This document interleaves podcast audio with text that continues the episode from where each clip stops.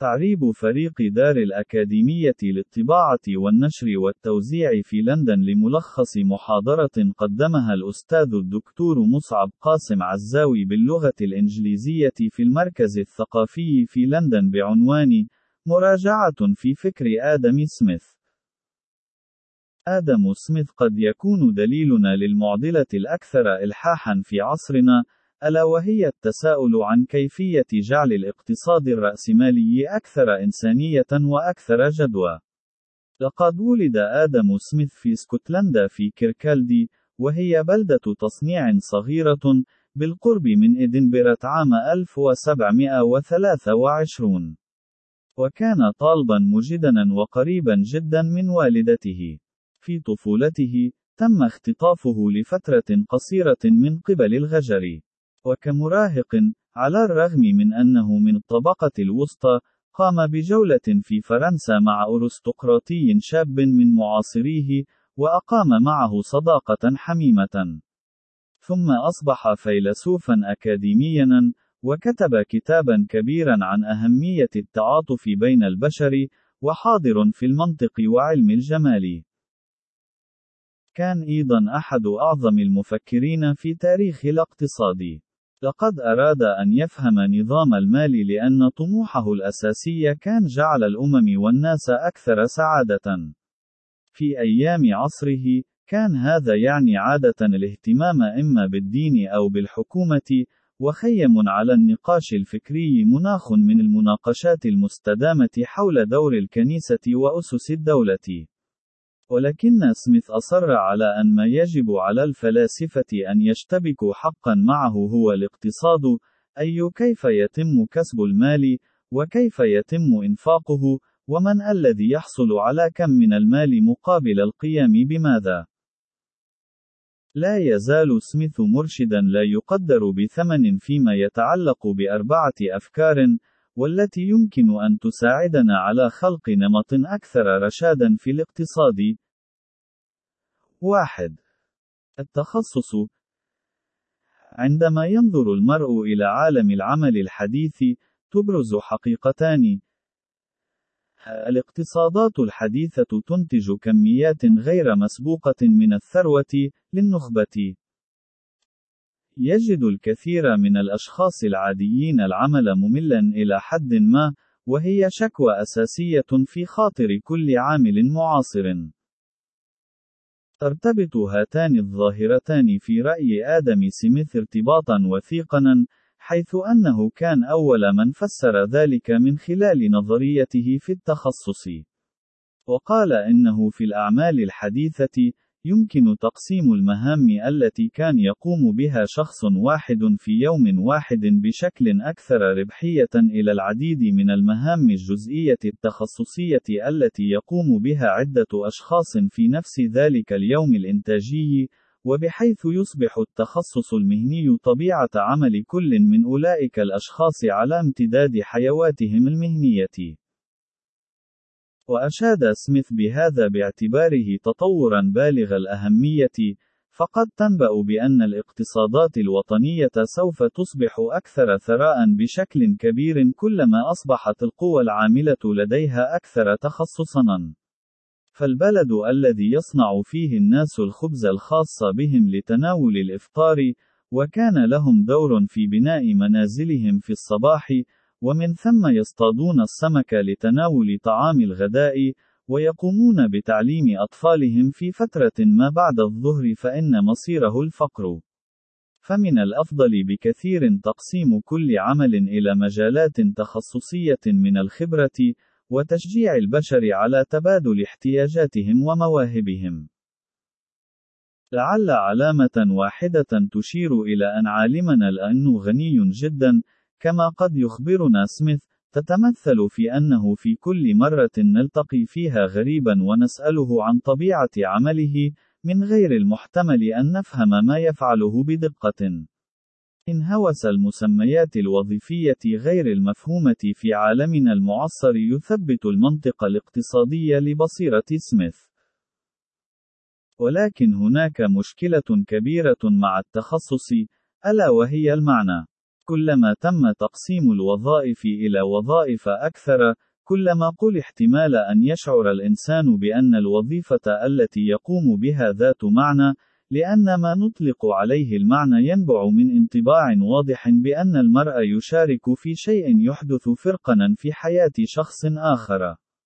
عندما تكون الشركات صغيرة وتكون عملياتها متضمنة داخلها، فإن هذا الشعور بمساعدة الآخرين يكون متاحا بسهولة، حتى لو لم يفعل المرء شيئا أكبر من إدارة متجر للملابس الصغيرة أو مخبز. لكن عندما يتم تصنيع كل شيء بشكل شبه مجهري، ينتهي الأمر إلى كون الإنسان العامل عبارة عن برغ في آلة عملاقة منطقها العام في يد مالك ومدير العمل، وغائبا عن عقول الأشخاص الذين يقعون في الجزء الأدنى في المؤسسة. لقد شعر بعض المفكرين بالرعب الشديد بسبب الآثار المترتبة على التخصص، وجادلوا بأن علينا العودة للوراء إلى الاقتصاد الحرفي، لكن سميث كان أكثر ابتكارًا. لقد لاحظ أن ما يفتقر إليه العديد من العمال في الاقتصادات المتقدمة هو قصة ترضيهم حول كيفية تلاؤم جهودهم الفردية مع المخطط الأكبر الذي يعملون عمالا لتحقيقه، أي كيف يساعدون الأشخاص الآخرين ويخدمون المجتمع، لذلك يكون لدى رؤساء شركات الحداثة المتخصصة مسؤولية إضافية تجاه عمالها، تذكيرهم بالغرض، والدور، والمكانة المتميزة للقوى العاملة لديهم.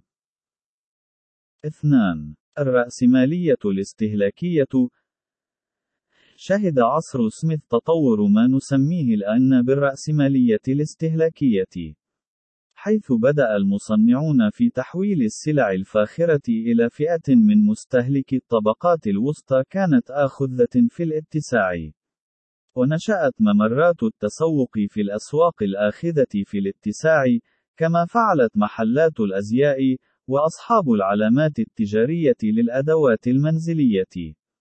وقد فزع بعض المراقبين لتلك التغيرات، حيث تمنى الفيلسوف جان جاك روسو منع الترف من موطنه جنيف والعودة إلى طريقة حياة أبسط.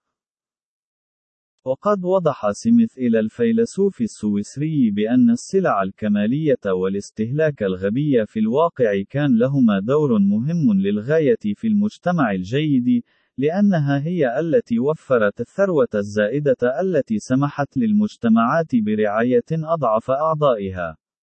نعم، قد لا يكون لدى المجتمعات الاستهلاكية الصرامة الأخلاقية الكاملة لأنها لم تترك الأطفال الصغار على مذبح الجوع القديم، لأنهم لا يستطيعون تحمل تكاليف المستشفيات وسوء الإغاثة المجتمعية. إن مناديل الدانتيل المطرزة تلك، وعلب النشوق المرصعة بالجواهر، والمعجنات المصغرة المصنوعة من كريم للحلوى جميعها كانت لا لزوم لها وتافهة برأي سميث لكنها شجعت التجارة، وخلقت فرص العمل، وولدت ثروة هائلة في المجتمع، وكان لا بد من الدفاع عنها في هذا الصدد. لكن سميث لم يتوقف في تحليله عند ذاك الحد، فقد كان يحمل بعض الآمال المذهلة للمستقبل مفادها بأن الاستهلاك لا يجب أن يتضمن حتميا الأشياء الغبية والتافهة. ولاحظ أن البشر لديهم العديد من الاحتياجات العليا التي هي في الواقع معقولة وجيدة للغاية، ومع ذلك فهي تكمن حاليا خارج المشروع الرأسمالي، ومن بين هذه حاجتنا إلى التعليم، وإلى فهم الذات، وإلى المدن الجميلة، وإلى مكافأة الحياة الاجتماعية. إن رأسمالية اليوم لا تزال غير قادرة على حل الخيارات الحرجة التي تفكر بها سميث وروسو.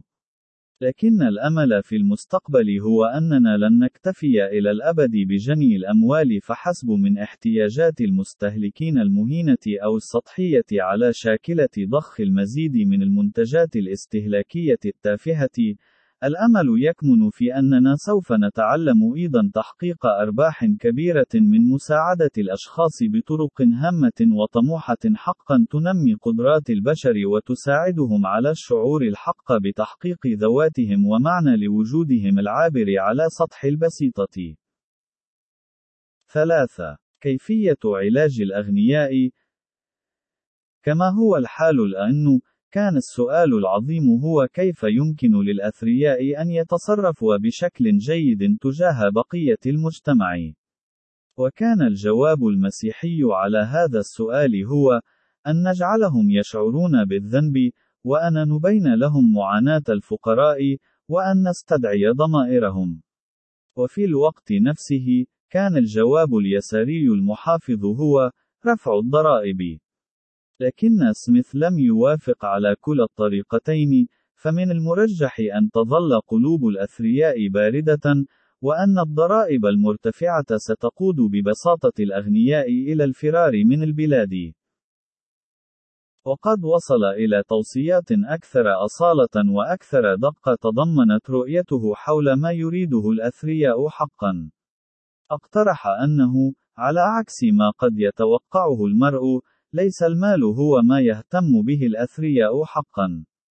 إنه الشرف والاحترام. إن الأغنياء يجمعون المال ليس لأنهم جشعون ماديا، ولكن لأنهم محتاجون عاطفيا.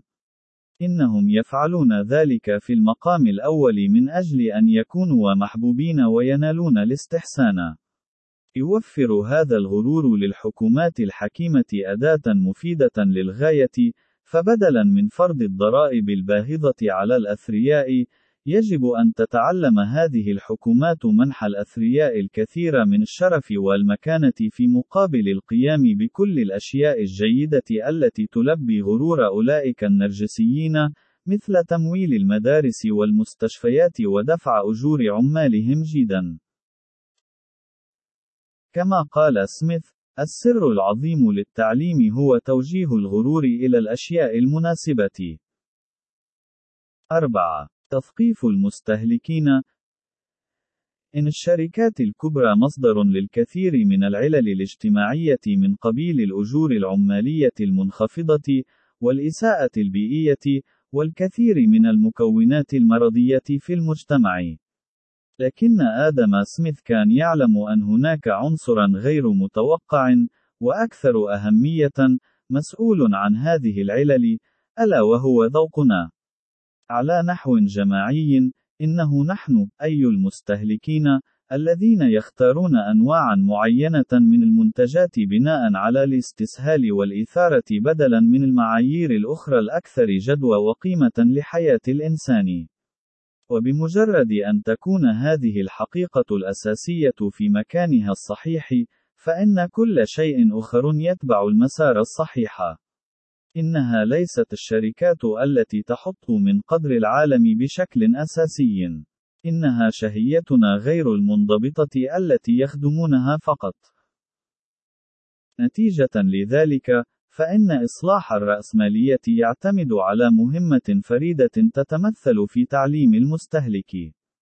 نحن بحاجة إلى أن نتعلم كيف نريد أشياء ذات جودة أفضل، وأن ندفع ثمنًا مناسبًا لها، وهو ما يعكس العبء الحقيقي على العمال والبيئة. إن المجتمع الرأسمالي الجيد لا يقدم فقط خيارات متعددة للعملاء، بل ينفق أيضا جزءا كبيرا من طاقاته لتثقيف الناس حول كيفية ممارسة هذا الاختيار بطرق حكيمة. يجب إنقاذ الرأسمالية من خلال رفع جودة الطلب. الخلاصة يمكن أن تبدو الحالة الاقتصادية للعالم خاطئة ومعقدة للغاية، وقد ينتهي بنا ذلك إلى اليأس والسلبية. ولكن آدم سميث كان على استعداد لتقديم الثقة والأمل لنا. وعمله مليء بالأفكار حول كيف يمكن التوفيق بين القيم الإنسانية واحتياجات الشركات ونظام الإنتاج الرأسمالي.